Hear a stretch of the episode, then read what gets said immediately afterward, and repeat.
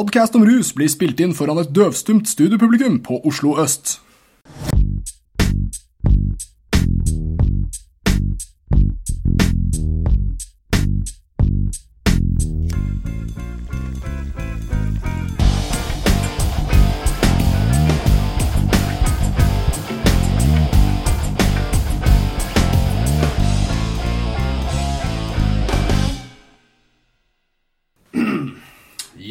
Ja, dere. Vi er tilbake.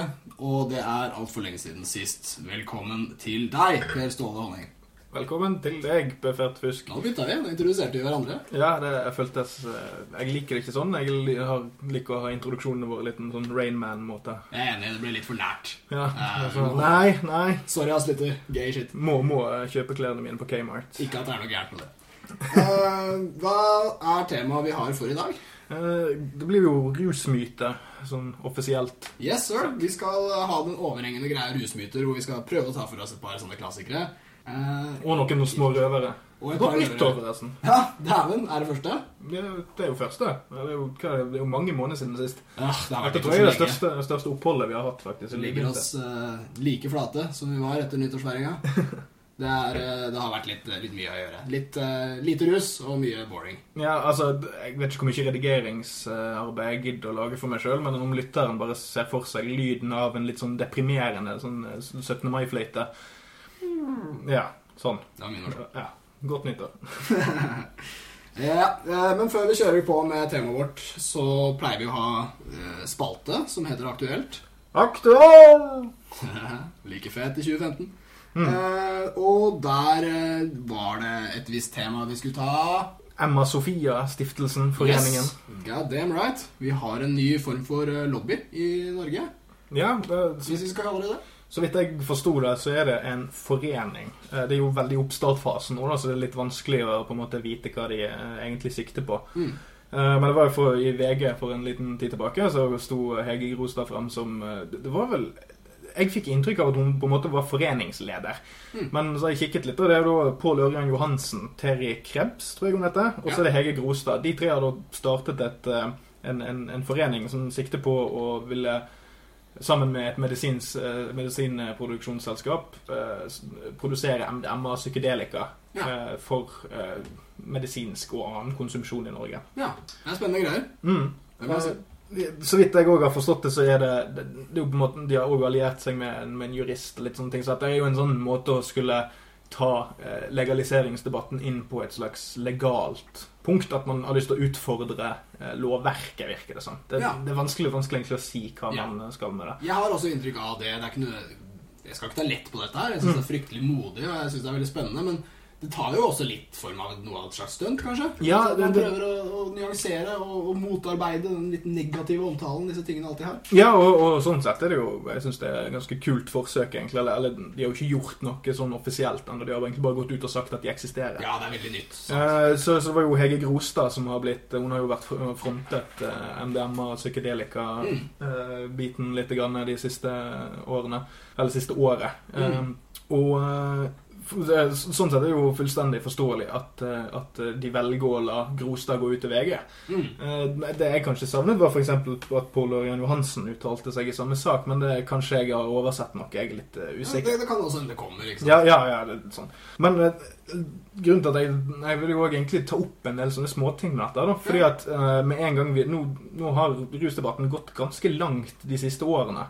Mm. Altså vi har, vi har kommet altså, fra, fra altså Den siste debatten på NRK nå var jo eh, vanvittig nyansert. Den var bra. Ja. Den husker jeg, ass. Debatten på NRK, skryt til dere.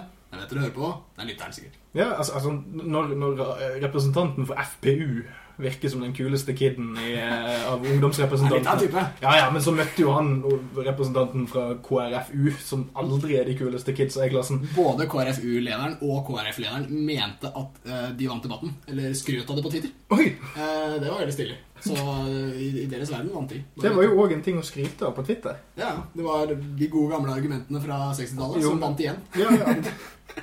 De vinner jo på walkover. vet du. det blir liksom. De har jo herren på sin side. Da er det jo enkelt. Mm.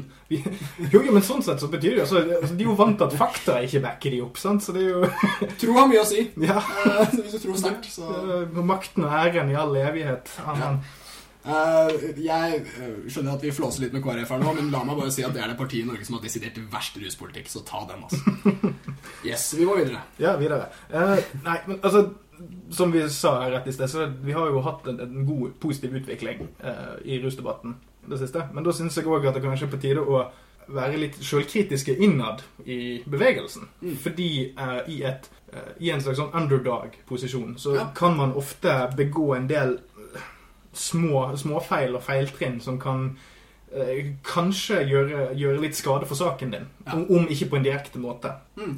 Så jeg vil bare ta et par ting med dette her, og så kan jeg kritisere det litt. Og så kan jeg avrunde det med å si at Hege Grostad er veldig modig, og jeg er veldig på de Ja. sin side i hele denne saken. Her. Jeg tror, jeg tror ikke lytteren misforstår det. For det er, altså, vi, vi vil jo at denne foreningen skal være best mulig. Så Ja. det blir på en måte tips.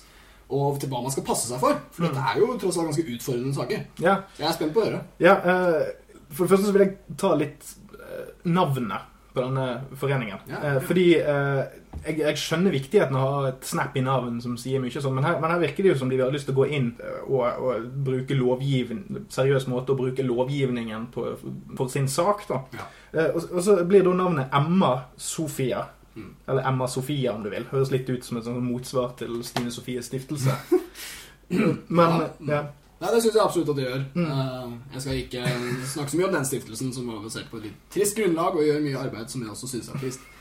Eh, men jeg er enig. altså Jeg tolker i hvert fall navnet sånn at Emma spiller på det veldig utbredte eh, folkelige navnet på MDMA, Ja. som er Emma. Og Sofia blir vel uh... Sofia er jo gresk for visdom, og det er jo det, det, er jo det som er Sofi i filosofi. Altså, ja. ja, I filosofi så er det kjærlighet til kunnskap. Stemmer. Og jeg, jeg skjønner ønsket om å ha et litt sånn snappy navn, men jeg, jeg sitter litt sånn jeg synes Det er en sånn problematisk blanding, ja. der du, der du blander et slenguttrykk for et rusmiddel og en, intellekt, og en slags sånn antydning til intellektuell overlegenhet, nesten. Det er et litt sånn Det er ikke, det er ikke en anklage jeg retter mot de direkte, men sånn, jeg, jeg, jeg syns det blir en sånn eh, ekkel følelse jeg får av navnet. Sånn, jeg kan ikke nødvendigvis sette helt ord på det, men det er, en sånn, et uttrykk som, som, som virker litt nedlatende, kanskje. Ja, ok. Det kan godt eh, Mitt lille, lille, mitt lille inntrykk. Uh, Ja, det er, det er jo bra kritikk, da. Er Merkevarekritikk. ja, altså, jeg, jeg har ikke noen gode alternative navn på det, men jeg, jeg tenker sånn Jeg ville ikke lagd en, en rustenketank som et colalogikk.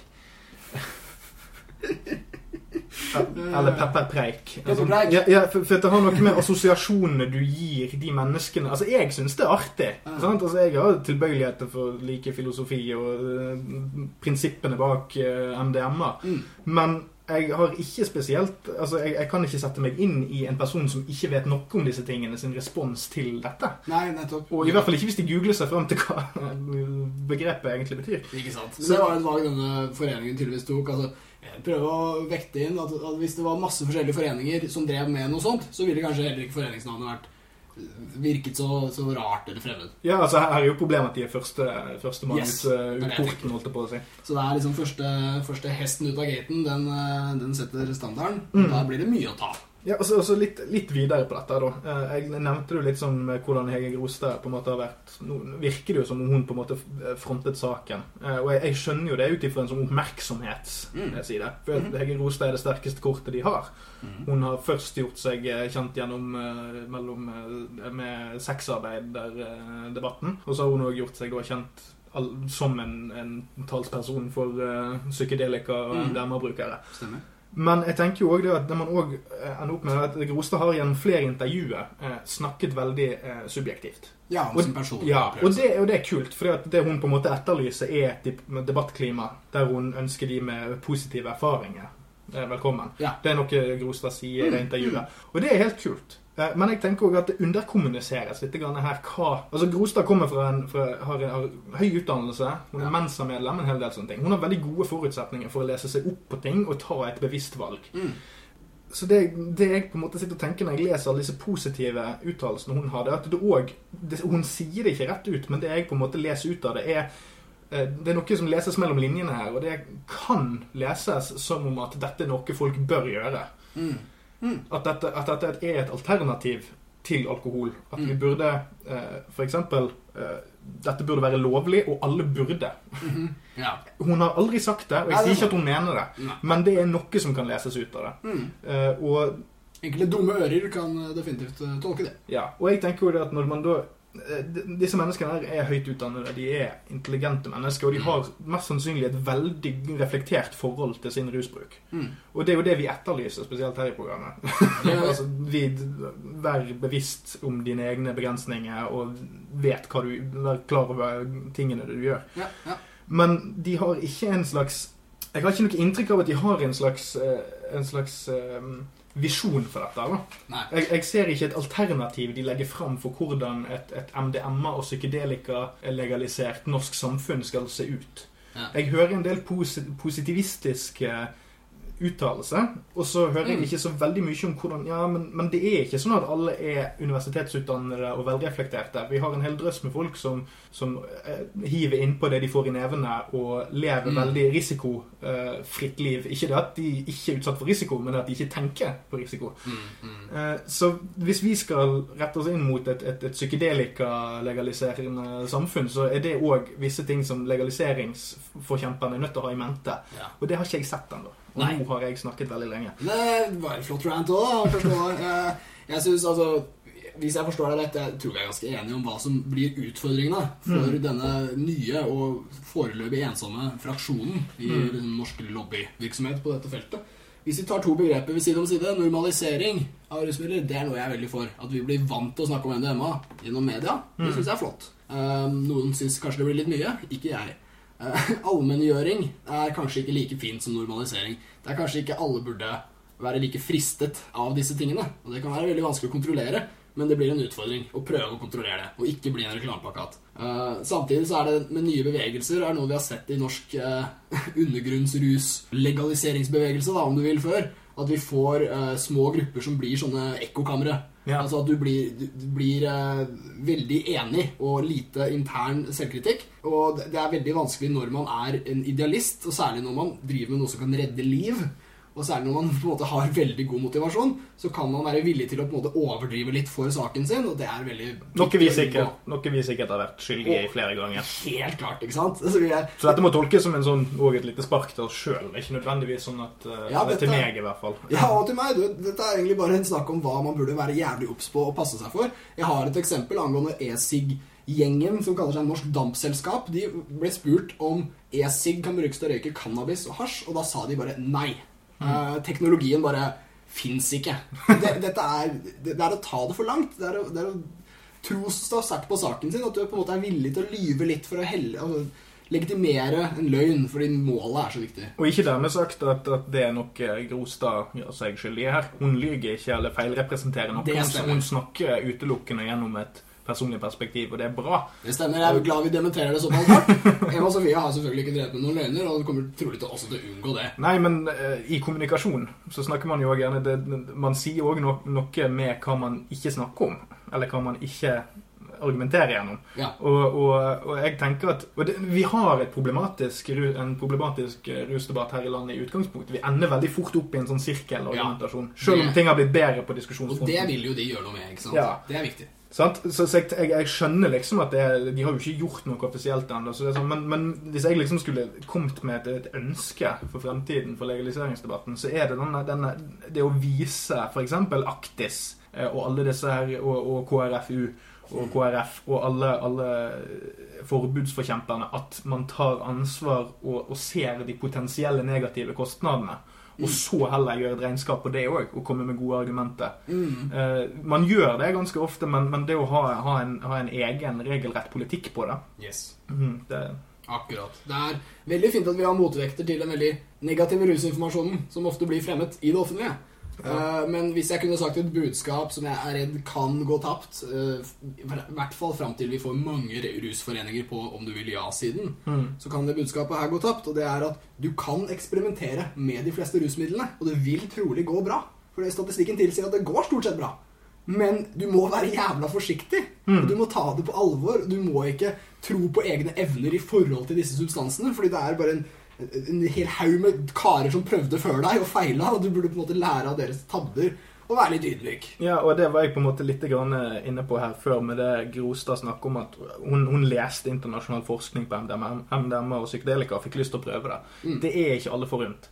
Og det er, ikke, det er ikke meg forunt, og det er ikke deg forunt å vite hvordan eh, hvermannsen responderer på en eventuell legalisert substans. Mm. Og dette er på en måte det Akties spiller veldig på. Mm. Det er den her Ja, men vi kan jo Det blir jo verre hvis vi frislipper, eller hvis vi, eller hvis vi eh, legaliserer. Aktis er avholdsfolkets landsråd, for den lytteren som ikke visste det. De heter egentlig ikke avholdsfolkets landsråd, de heter før, men jeg insisterer på å kalle dem det fortsatt. Beklager. Men det er sant. Eh, det er ikke alle oss forunt å, å vite noe om fremtiden, som sagt. Eller, eh, og da- er det eh, egentlig en ærlig sak å innrømme det, at, eller, eller ha, i mente at ting ikke alltid kommer til å bli så ide ideelt som det vi kanskje har lyst til å se for oss. Ja. Ting kan godt bli misbrukt. Ja. Jeg ser ikke for meg at hvis MDMA blir legalisert, at det ikke vil Jeg kan ikke se for meg at det ikke vil bli misbrukt. Det blir misbrukt i dag. Ja. Og det vil alltid bli blandet med andre rusmidler, for f.eks. Det er ikke alle som leser seg opp på disse tingene. Vi kan tilrettelegge for at vi skal skaderedusere, men vi kan ikke argumentere ut ifra en tanke om at ja, men dersom vi bare får disse tingene til, så kan vi alle få, få visdom gjennom Emma. Mm, damn right. Ja, veldig flott rant og wrap up. Der har vi den. Eh, jeg tror vi eh, kan rappe opp eh, Aktuellspalten. Uh, vi har fått sagt vår mening, og vi er veldig engasjerte og håper å si eh, entusiastiske over at Mm. dette faktisk er eh, noe som eh, pågår i samtiden.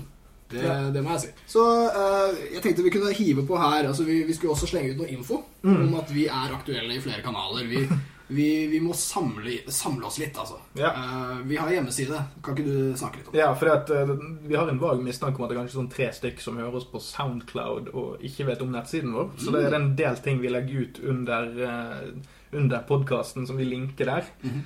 Av eh, kilder og sånn, som er greit å få med seg. Eh, og det er da på www. dot podcast om rus. dot wordpress.com. Hvis du ser tittelen i Soundcloud, embedden så, eller Soundclouden, så er det lett å google seg frem til. Så skråstrek etter .com. Nei, Podkast om rus, wordpress.com. Yeah. Eh, sant? Altså, det er bare sånn Dersom noen av dere av en eller annen slags eh, mystifistisk grunn skulle få lyst til å ta kontakt, så går det an å, å, å gå inn der og kommentere under, eh, under hver episode. Eller så kan du hitte oss opp på Twitter. På at superståle med to a istedenfor å på meg. Mm. Og at Re Reynolds420. Stemmer. Burt Yes. Reynolds. Oh yeah. Det kommer til å bli noen myter etterpå som jeg trenger litt innspill på. Hvis eh, lytterne er gira, så kontakt oss. Det er bare fett. Yes. Da blir det mytene, dere. Mm. Jeg trodde egentlig jeg skulle komme på langt flere, men jeg har da virkelig skrevet noen likevel. Jo, men jeg mener jo at vi har jo en ganske sånn eh, klar og fin eh, setup her. Vi begynner med det jeg ser litt på som kongen av rusmyter. Fordi det er, det er på en måte klisjeen. Den er liksom nevnt sammen med sånn Å, har du røyka sokka dine?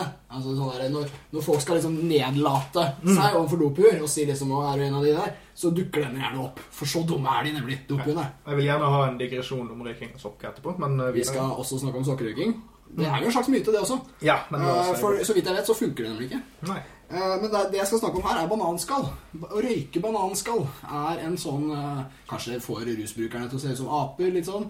Men det er, eh, det er en myte vi sist hørte på når den da nylig ansatte NNPF-lederen, Norsk Narkopolitiforening, var på en rusdebatt eh, hvor hun ramset opp hva ruserne driver med. Altså, de er en bølleforening. De mobber hele tiden. Ruserne, det høres ut som en sånn skikkelig skikkelig kjip mopedgjeng. Jeg vet ikke om hun sa det, men de bruker litt sånne begreper. Og da nevnte hun bananskall som en av de mange tingene de altså driver med for å bli rusa.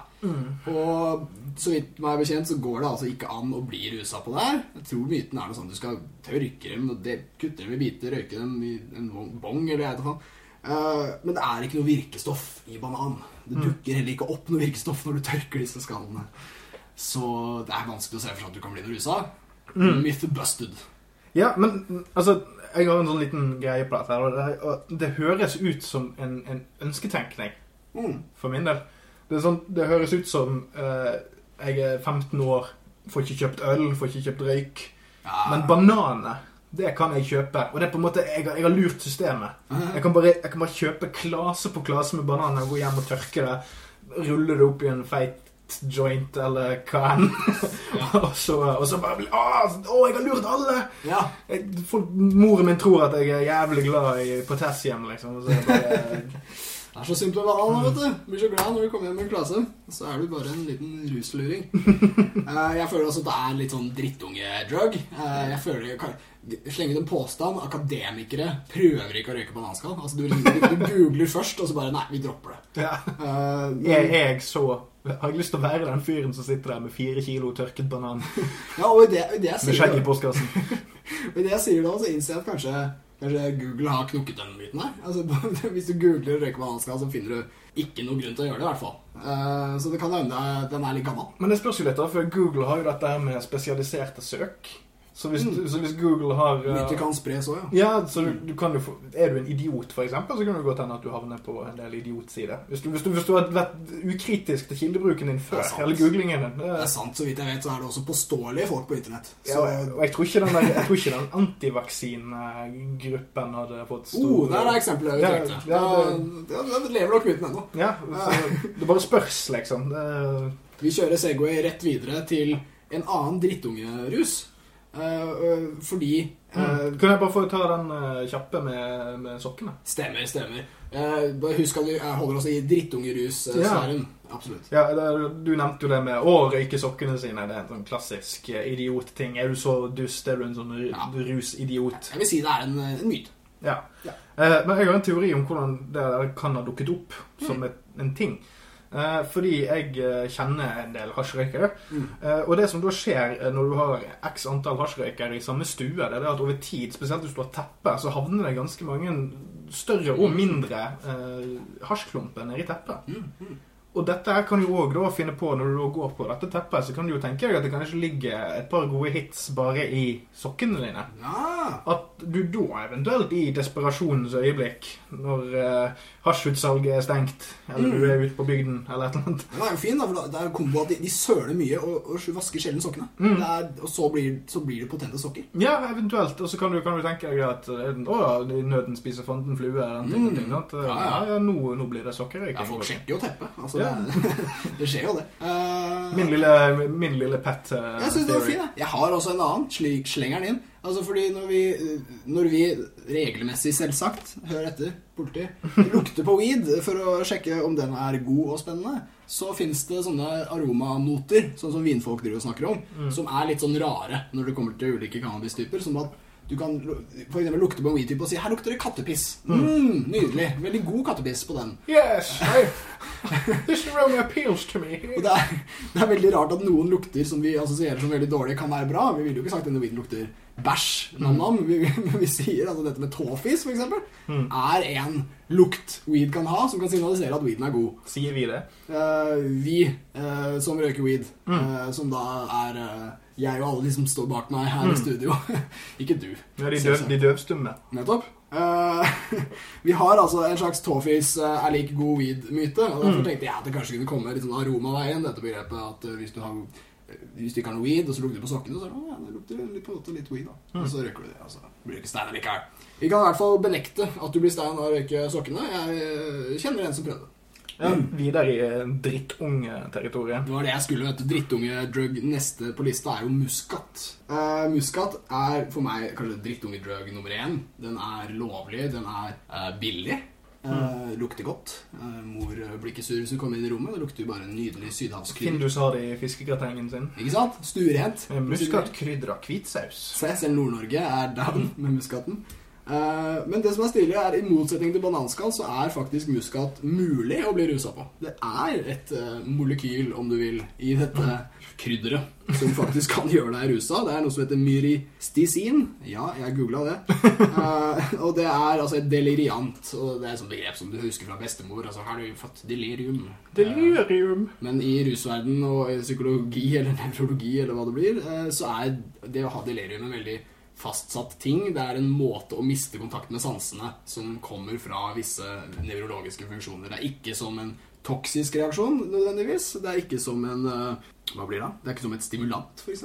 Å ha delirium betyr stort sett å ikke kunne gjøre noe form for rede for seg. Det er noe jeg assosierer med skopolamin og andre sånne virkelig kaotiske substanser. Når folk må ha barnevakt. Ja, ja, det er sånn, sånn som jeg assosierer det til litt mer sånn eh, gammeldags eh, altså folk med monokkel og flosshatt. og, eh, litt det samme som hysteria.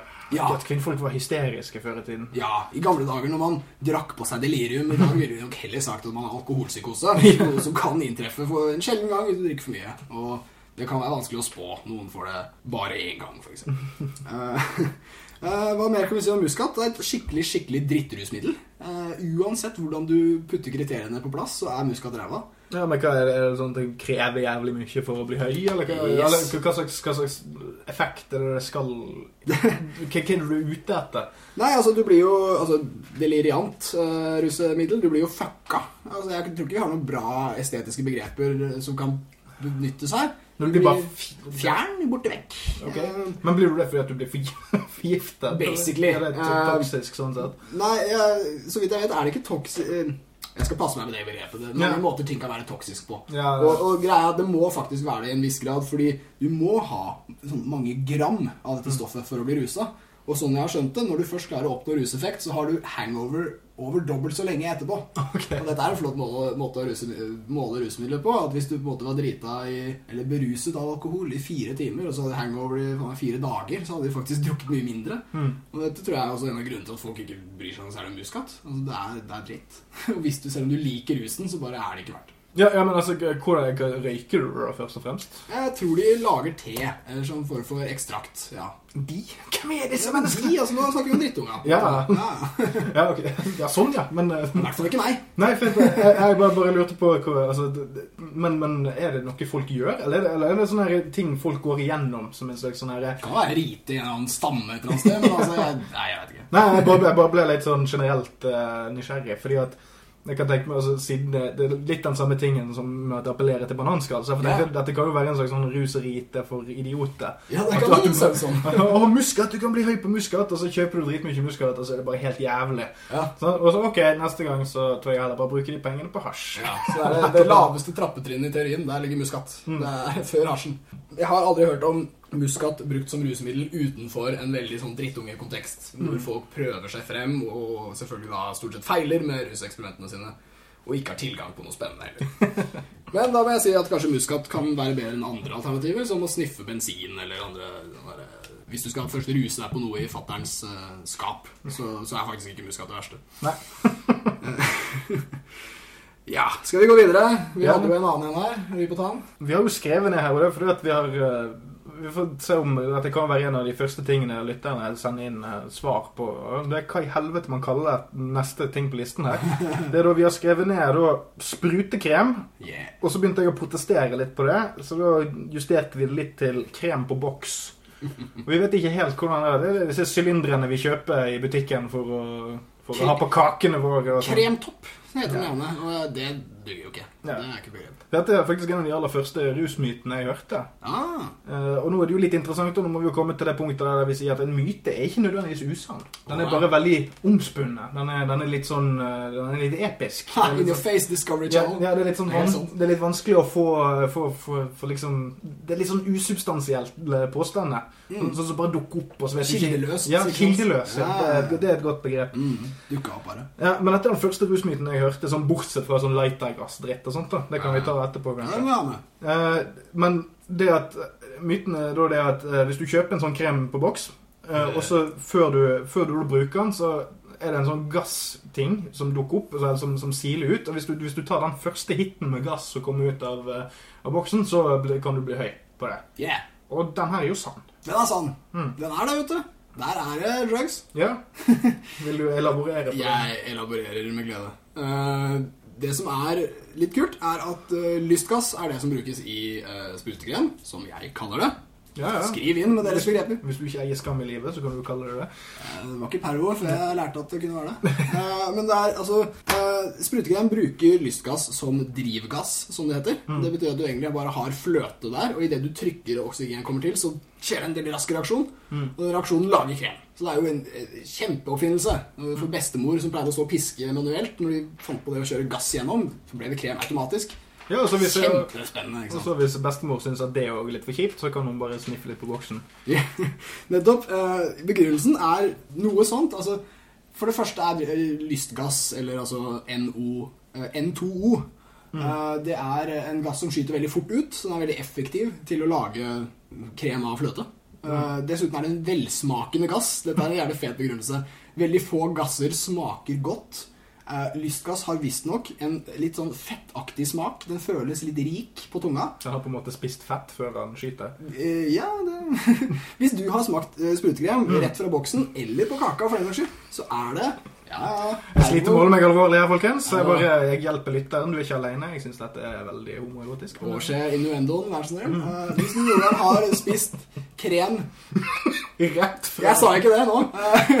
så, så, er det fortsatt bitte små bobler av lystgass i den kremen. Så, så hvis lystgass var farlig, så hadde vi alle på en måte slitt. Mm. Uh, så vi, vi, vi, spiser veldig mye sprutekrem i disse dager. Det er, eh, jeg tror ikke vi nødvendigvis hadde funnet en gass som var like velegnet til mm. å lage krem som det. Så, så sånn sett er det uh, ideelt at det er den som brukes. Det fins sikkert folk som ville forveksla det med andre drivgasser, sånn som f.eks. luftfriskere og sånn. Mm. Det her er jo også noe kids uh, gjerne drittungedrugs uh, driver med. For ja, for lystgass er jo sånn som òg kan kjøpes i jernvareforhandlere og den sånn ja. type ting gjennom disse. Da, uh, du kan jo lage hjemmelaget krem. Ja, ja. Det fins sånne sprøyter som du kan uh, fylle opp med, med, eller uten krem. Ja, ikke, sånn. ikke intravenøse sprøyter, men. Nei, unnskyld. Kremsprøyte. Fløtesyfon. Noe sånt. Ja, men det er i hvert fall muligheter for Fløtesprut der, eller? Fløtesprut.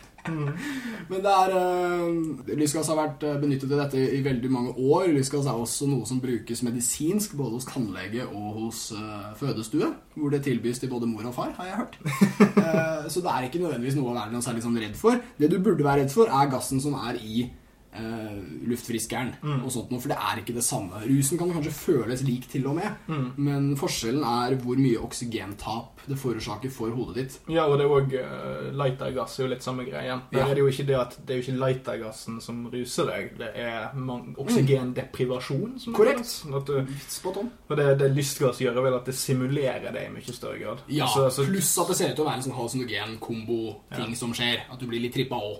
Men du kan òg miste, miste pusten av eh, lystgass. Ja. Altså det, det, går an å Ja, folk på lystgass de besvimer, men de blir aldri hjerneskada, for å si det sånn. Uh, og det som er problematisk med de andre drivgassene, de som er både i uh, luftfrisker og i lightergass, mm. som er da butan og propan, det er at uh, du kan bli Du vet ikke hvor grensen går før det, før det er giftig for huet ditt. Nei. Så du kan bli f.eks. veldig rusa og få null hjerneskade, eller så kan du bli bitte litt rusa og få masse hjerneskade, og du vet aldri hvor den grensen går. Så derfor lar vi være.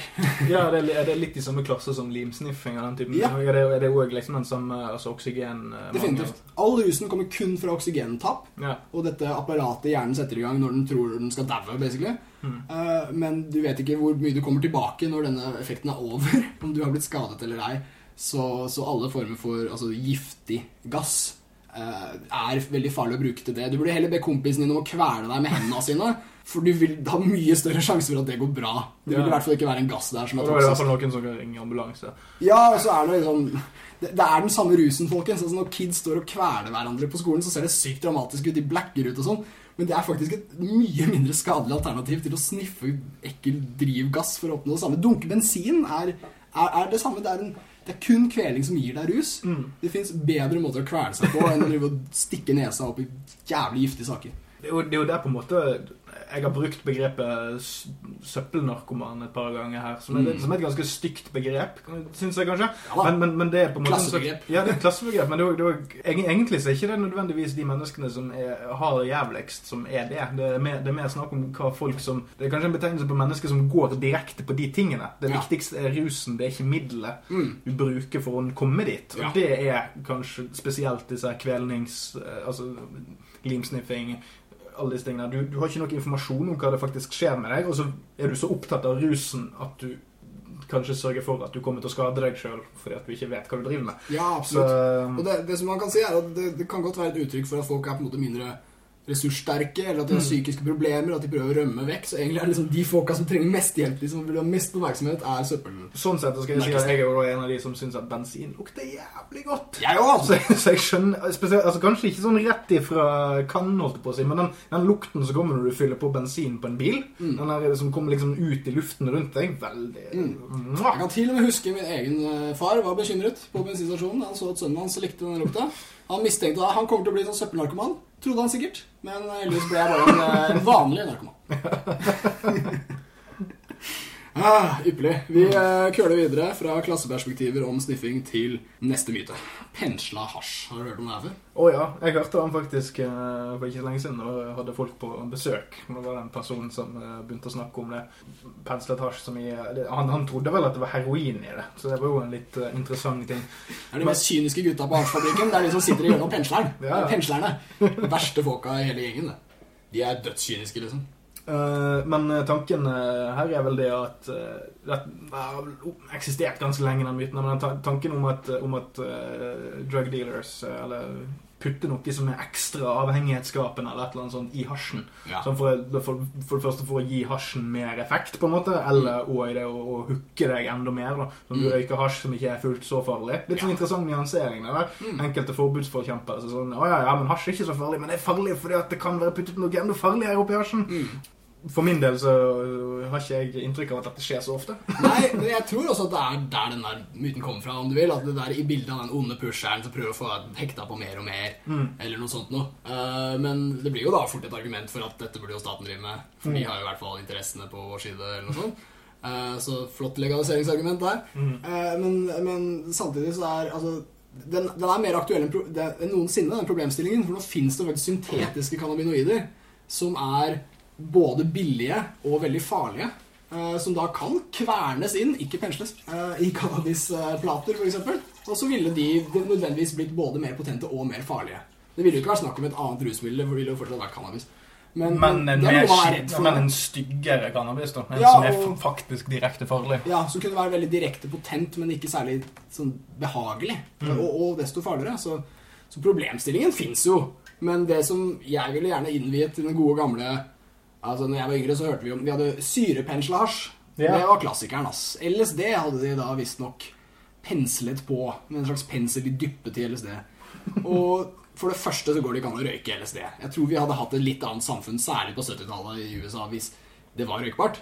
Mm. Uh, og uh, det andre er at det finnes et veldig økonomisk prinsipp som alle si, BI-studenter vet jævlig godt om, og det er altså hasj er billig. Det er jævlig billig. Det lages på landsbygda i f.eks. Marokko av folk med la oss si, lav årsinntekt. Og det er ikke mange substanser du har økonomisk gevinst ved å pensje på hasjen. I og med at den er billigst. Heroin har vi også hørt, men heroin er nesten luksusprodukt i forhold til cannabis. Så, ja, hva er, hva er gramprisen for en uh, for, uh, for opium, holdt jeg på å si? ja, jeg tror gramprisen på heroin, uh, arresterer meg gjerne lytter, uh, ligger på 800 til 1000 kroner grammet. Okay. Uh, noe sånt. Og da har du en effektiv dosering på uh, De driver og kjøper kvartinger, og det er sånn to-tre doseringer. Noe okay. sånt. Ja. Hmm. Uh, men, men, poenget er at det, det blir dyrt. Ja. Da måtte hasjen eventuelt økt mange hundre prosent i pris, og det ville vært vanskelig å selge den igjen. Jo, men Ville ikke det vært en slags kapitalinvestering for å hooke ungene, sånn at de kommer tilbake? Jo, altså hvis heroinmafiaen og hasjmafiaen var de samme folka, så hadde det vært en jævlig effektiv mm. Jeg ser den, ikke sant? Altså, hvis du tror det, mm. så, så, blir jo dette en uh, mulighet. Men uh, hasjmafiaen, om du vil, er jo en gigantisk gjeng av uh, fattigluser over mm. hele sørlige kontinentet. og Eh, heroinmafiaen er jo bare en bitte liten gjeng med warlords eh, omtrent i Afghanistan, og alle de gutta som hjelper dem. Og rundt. og ja. omkring der. Og det som trolig er liksom jugoslaver. Alle mulige sånne folk som kan handelsruter rundt mm. i Europa og eh, Eurasia. Og det er, ja, det er, en liten gjeng. Heroinmarkedet er lite, cannabismarkedet er stort. Det er veldig liten grunn til å tro at det er samme gjeng. Og så det, også det, jeg tror det er en, en, myte som er veldig lett uh, brer om seg blant mennesker som ikke vet noe om f.eks. For uh, forskjellen på rusmidler. Dette har vi snakket om flere ganger. Ja. Tanken om at alle narkotiske stoffer, eller de som er på narkotikalisten mm. Det er derfor vi kaller det narkotika. Ikke fordi de er narkotiske, alle sammen. Alle, alle narkotikum er har akkurat samme effekten og eh, er mer eller mindre farlig på en sånn skadelighetsskala. Det er ikke, det, det, det er ikke hvorvidt du blir fucket eller mindre fucket, men bare det at å ja, nei, men først gjør du det, så gjør du det, og så dør du. Mm. og da, da kommer det For eksempel hvis du kunne pensle eller røyke hasj med LSD Mm. så er jo ikke hasjbrukerne er jo ikke de nødvendigvis som er ute etter LSD det øyeblikket. Hvis du får i deg LSD når du ikke vil ha det, så vil du mest sannsynlig ha en så jævlig kjip opplevelse at du bare aldri vil være i nærheten av det som, skjedde, det som fikk deg til å havne der. Ja. Altså Badtripper du på psykedelika, det gjør man vel gjerne når man ikke vet at man har fått i seg. Mm. Det er mange grusomme fortellinger om folk som har blitt eller fått noe i koppen. Ja. Liksom, sånn, altså, du, du har det ikke fett. Så, så det er veldig, det er òg en veldig dårlig markedsføringsmåte. altså, om noe måtte du putte et kokain eller en eller annen stimulant i det. Ja, det tror jeg kanskje ja. er det som ville krasjet minst med Mm. Altså- Sneket med en liten motor. Ja, ja, ja, for, ja, for at, altså, jeg tenker jo sånn at, at ehm, du blir jo på en måte litt sløv og, og filosofisk på hasj. sant? Så, så, så et stimulant kunne jo på en måte motvirket sløvheten. Ja, Det kunne jeg på en måte kjøpt litt mer enn Mm. en, en disse andre variantene. ikke sant. Det er Men det er jo òg jævlig mye dyrere. Kanskje speed er billigere. Ja, og, og denne spillhasjen den hadde fort blitt ræva, den òg. Ja, ja. Det, det økonomiske prinsipp holder egentlig til å effektivt buste denne myten. Altså. Det, Mm. er, eh, det, det jeg kan si om dårlig hasj, eh, som veldig mange i Norge har tilgang på, kanskje lytter nå, det er det at den er det det, ofte det vi kaller tredje og fjerde siling av et, et veldig fint utgangspunkt. Disse weed-plantene som de banker eh, vettet ut av og Mm. lager hasj, de, er, de første silingene, altså de første rundene med banking, de gir veldig god hasj, og de neste gir ganske lav. Eh, grunnen til det er at de neste silingene inneholder mye mer plantemateriale fra stilker og blader og sånt noe. De gode virkestoffene er allerede fjerna, og det, vekten fylles ut med andre ting. Eh, så vi har eh, dårlig hasj eh, i Europa, men den er stort sett veldig naturlig lagd gjennom veldig tradisjonelle metoder. Det fins også folk som tilsetter kverna frø, eh, bare fyller inn med alle fyllstoffer de har i faunaen, hendene. Vi har uren hasj, men det er stort sett enten en organisk olje tilsatt for at den skal se bedre ut, noe sånn saueolje eller noe, eller så er det bare shitload med en eller annen plante. Sånn. Hver gang vi håper si, forstår nye fyllstoffer i denne hasjproduksjonen, så finner man et veldig billig stoff. Du finner på en måte resultatet av en billig produksjonsmodell. De folka som lager hasj, er ingen luksuriøs mafia som står der med fete maskiner. De bruker gamle mekaniske instrumenter, og de gjør det sånn som oldefar gjorde. Og det er, det er veldig vanskelig å mistenke den gjengen her for å være en sånn evil mastermind-crew. Ja, dette, dette er jo sånn eh, med, med tanke på hvor eh, utrolig eh, ølbrygge-hipster Norge har blitt de Mm. siste årene, så burde jo uh, hasjdyrking, sånn som oldefar gjorde, det være den uh, koseligste formen for kriminalitet. Ja, definitivt. Altså, se hvordan amerikanerne gror, og hvordan de lager bare dødspotent olje av all weed, og bare hopper over hasjstadiet fullstendig, og bare lager ekstreme ting. Det, er, Extreme! Ja, Det ja, amerikanerne sitt etos, holdt på det er jo midt i folkesjela, så, så det er jo mye skumlere tendenser på cannabismarkedet enn det du finner på høyfjellet i Marokko. Det skal jeg love deg. Men, øh, men ja, det er, det er, jeg, klarer ikke å tro at pensla hasj. Altså, det er en stilig ting med hasj at du jo renere hasjen er, jo sjeldnere trenger du å røyke den for å bli veldig stein. Ok. Eh, og derfor er trolig dårlig hasj det minst helsefremmende av alt. For da må du ofte røyke ganske mye for å bli Ja, og da går det utover lungene. og Ja. Da, da kan du begynne å snakke ut ifra David Nuts en eh, Ja, så hvis. Hvis frekvensen hvor ofte du røyker er viktig, og det ser det virkelig ut til å være, så burde potent hasj være Ja, helsefremmende. ja, sånn sett så kan vi jo trekke det litt tilbake til, eh, til denne påstanden til eh, de som, som lager e-sig. Mm.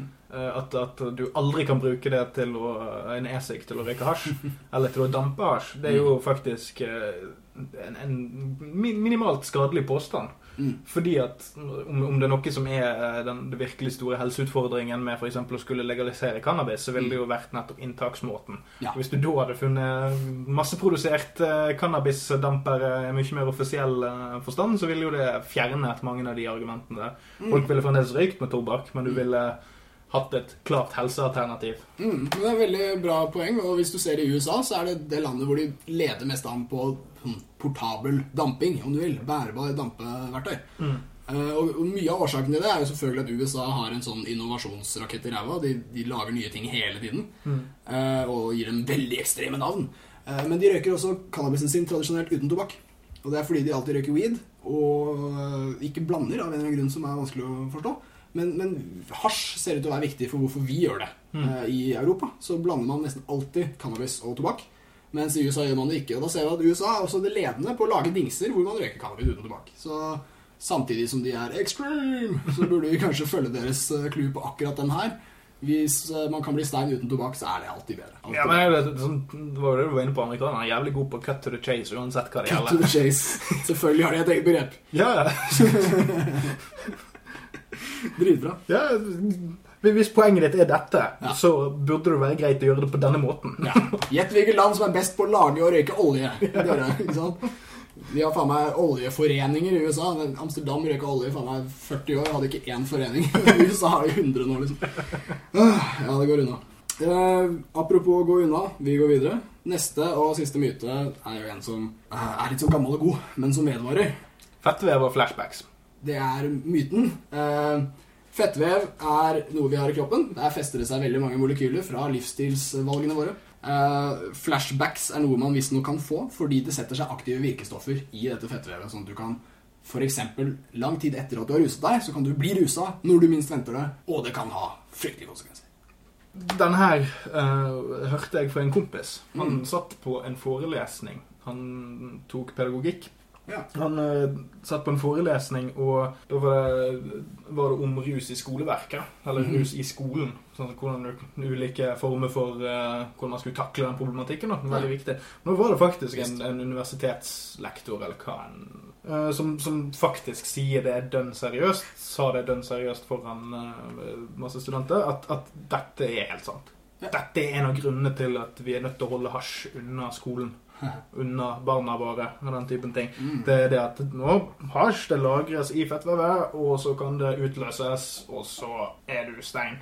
Når som helst. Yeah. Og jeg syns det er kanskje noe av det egentlig sånn mest småkjipe jeg har hørt. For det sånn, det der, det, Dette er kanskje den myten som dukker opp flest steder der folk har gode intensjoner. Ja, det stemmer. Fordi jeg, jeg kan være helt med på at du må ha antinarkotikakampanje i skolever- skolen og sånne ting. Altså det, det å prøve å ha gode, effektive måter å holde skolen rusfri på, det er noe Du skal egentlig være bra kødd for å ikke være enig i det prosjektet. Mm. Eh, eh, men men denne, denne typen myte er med på liksom sånn du, du, Hvis en fyr blir tatt med et gram hasj på seg på skolen, så er dette liksom en av de, de ekstra påstandene han får lagt på seg. Mm.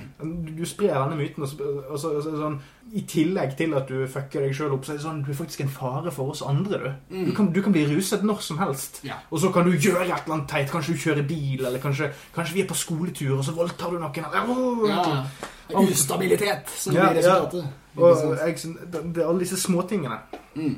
Det er en, eh, en, en seig jævel av en myte. Og det som jeg syns er mest interessant med den, er hvorfor den er så forpult seig. Altså, jeg har snakket med representanter for flotte foreninger som Akan, eksempel, som er en representantforening for arbeidslivet. Sånn at hvis en eller annen i din bedrift eksempel røyker hasj, så kommer Akan inn, putter jernring rundt vedkommende sånn at han ikke får sparken, og får han til å slutte med hasjen, så han kan komme, komme tilbake på jobb. For eksempel. Så det er, det er bedre enn før. Før så fikk han bare sparken. Eh, Men de er, som du sier, med gode intensjoner, så hiver de seg også på dette med fettvev og sånn.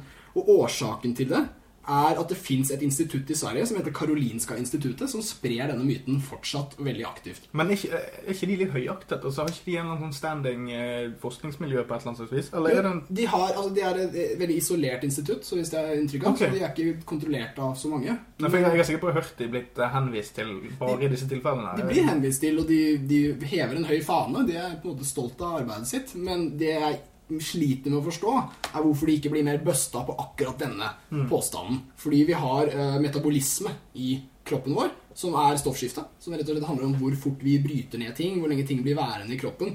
Jeg vil gjerne sitere Arild Knutsen, som sa ja, men hamburgere blir jo sittende lenger i fettvevet enn cannabisen gjør. No, det stemmer sikkert. Eh, Poenget hans var at det spiller ingen jævla rolle. Eh, og det er Metabolisme er eh, kan godt forklare hvorfor det fins spor av cannabis i fettvevet vårt, men det kan ikke forklare hvorfor det er aktive rusmidler i fettvevet vårt. Vi har inaktive sporstoffer fra cannabis som, Som kan seg kalles cannabinoide. Eh, nei, l altså i utgangspunktet ikke, men de kan kalles Kanskje. Jeg, jeg ble usikker der. Ja, altså kan inaktiv THC-molekyl, eller den Ja, altså, det, er, det er inaktive sporstoffer. Det er, det er virkestoffer som ikke er aktive lenger. Altså, det, er, det er rester. Påstanden deres hviler egentlig på at det på en eller annen måte går an å bli ruset av disse restene. Og jeg har kompiser som jeg først syntes var litt flåsete når de sa Hæ, hvis det går an å bli evig stein, kan ikke du lære meg hvordan faen jeg gjør det? Men jo mer jeg tenkte på den, så er det faktisk litt lættis god kritikk av denne myten. Fordi det fins ingen måte å plante rusmidler inn i kroppen din sånn at de holder i årevis. Det er bare ingen måte å lage et ruslager noe sted i denne kroppen.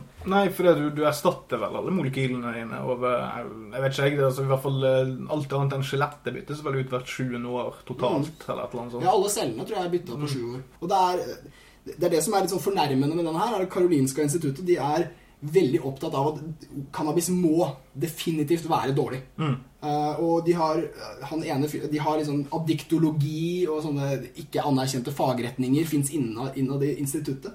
Og der har du folk som uh, Det er i hvert fall en forsker som bl.a. på Karolinske instituttet klarte å finne ut at hvis du røyker mye hasj, så får du uh, altså opprørssyndrom. eller noe sånt. Altså, okay. du, du stoler ikke lenger på autoriteter generelt. Så det betyr at når en fyr røyker for mye hasj, så kan du ikke lenger tro på han. Eh, det er hasjen som snakker. Eh, så hvis Jeg tror du kan si akkurat det samme om han fyren som solgte hasjen til ham. Ja, om han er avholdsmann. Og, og for vanlige folk som, som vet at hasj er ille før de hører dette, så hører de en bekreftelse på Ja, demonen. confirmation bias. Men hvis du, hvis du vet noe om vitenskapelig metode, så hører du at det her er dårlig forskning. Det kan ikke stemme så generelt som de sier det, og da har forskeren en annen intensjon. Eh, Det går bare ikke an å, å si det på denne måten. Så hvis du på cannabis gjør sånn at du alltid tar feil når noen kritiserer deg, da ville jeg vært med. Men da ville du hatt et slags omvendt sannhetsserum, som hadde vært veldig interessant å bruke i annen vitenskap. Så altså, rett og slett, De er så sinte på hasjrøykerne oppe på det instituttet der. Ja, men det, Uansett hva de gjør, så kan de faen ikke vinne. det er en annen ting jeg har satt og tenkte litt på med det der. Og det er jo at, altså, hva, jeg vet ikke, hvor mange, hvor mange eh, hva, hva er vanlig en skikkelig sterk joint for å få skikkelig eh, 0,3 gram. 0,3 gram? Ja, skikkelig. Ok, Det er det som kreves for at du blir skikkelig møkastein på én. Men altså, hvor mange av disse her uh, inaktive La oss si at disse inaktive eh, stoffene aktiveres. Hvor mange av de må aktiveres samtidig for at du skal bli stein på det? Du, altså, det er jo ikke bare ett sted altså, Hvis du har ett molekyl som fester seg et eller annet sted i fettet, og så løsner det, Mm. så er jo ikke det nok til å gjøre deg stein. Nei. Du må jo ha en enorm mengde. Og hvordan, skal det skje? Selv om du har rett i påstanden, som de ikke har, så forutsetter det jo at mange molekyler løsner samtidig. Og At det er lager der. ikke Ja, sant? ja, som, som, som, som liksom bare er det akkurat som å åpne døren på en fullstappet potetkjeller. Sant? Man kommer potet utover. Ja, nettopp. Men Og da jeg plutselig begynner å innse at de der steine kompisene mine har et poeng. Altså, det ville jo folk gjort. Mm. Altså, hvis det var mulig å bygge opp et lager, så var det, folk, det er smarte folk der ute som ville jobba dag og natt for å få det til. Mm. Og de har feilet. Det ser bare ikke ut til å stemme. det er jo sammen med disse flashbacksene òg, for så vidt. Det er jo også, det er bare en sånn liten minigreie. Jeg tror ikke folk rett og slett forstår rusfølelse nok til å si at det her har skjedd dem. Altså, jeg vet Det høres jævlig rart ut, men, men jeg tok LSD for ti år siden, så kjørte jeg bil, så kjørte jeg av veien. Eh, Litt unnskyldning oppi der, kanskje? Ja, kanskje Eh, Jeg tror ikke de vet nok om rus til å si at det var LSD. Men altså. kanskje du vet nok om foreldelse på saker? På, Ikke sant. på straffesaker. Det blir noen interessekonflikter der, ja. Mm, jeg føler det. Skal vi ta vår nye spalte, kanskje, som er den helt til slutt? Den helt den vakre lille til slutt. For vi har avrusning. Yes, det er nemlig vår nye spalte hvor vi eh, rapper opp dritten. Hvor vi avrunder, om du vil, ruller den opp. Kanskje sette et slags punktum. Slap a bow on this puppy. Hva er det vi har snakket om i dag som er verdt en oppsummering? Jeg hadde jo håpet at du skulle ta den biten. Men, jeg kan godt gjøre det. Nei, nei, men, Uh, Jeg glemt det, ja. ja, ok. ja, vi har jo hatt litt sånn ymse. Det det har vært en ganske kaotisk uh, det, det, Perfekt. Ja, jeg tror kanskje at det er den lengste vi har kjørt uh, uten gjester. Eh, Så det, har vært ganske kaotisk. Vi har snakket om mye rart. Altså, Emma Sofia og bananskall og sprutekrem. Vi har sagt vår mening om disse mytene. Hva er har, eh, essensen her? Hva er Sofiaen? Hva er kun, kunnen du kan dra ut av dette? Nei, jeg har uh, et sitat som jeg tenkte jeg kunne rappe opp med. Ja, det må du gjerne gjøre. Det var det som uh, var i fare for å gå tapt hvis vi bor i sånne ekkokamre når vi snakker om rus. Mm. Og det er det at uh, lytteren kan eksperimentere med rusmidler. Og at statistikken da tilsier at det vil gå bra. Hvis du følger forhåndsregler og henger på erovid.org og sånne ting. Og hører på podkasten. Særlig det. Eh, Men eh, det som er greia, er at du må være jævlig forsiktig. Du må passe deg som faen. Husk at masse folk har gått i den samme fella som du trolig vil gå i hvis du ikke tar forhåndsregler. Og dette gjelder òg for når du snakker om rusmidler. Ja, det Ikke gå, i de samme, ikke gå i de samme fellene som de folkene du argumenterer mot, Mm. har allerede gått i. Ikke begå logiske Mm. Folk er forskjellige, og vi veit da faen hva som funker for alle. Så vi får ta én av gangen. And that's the word. Takk for i dag. Takk for i dag.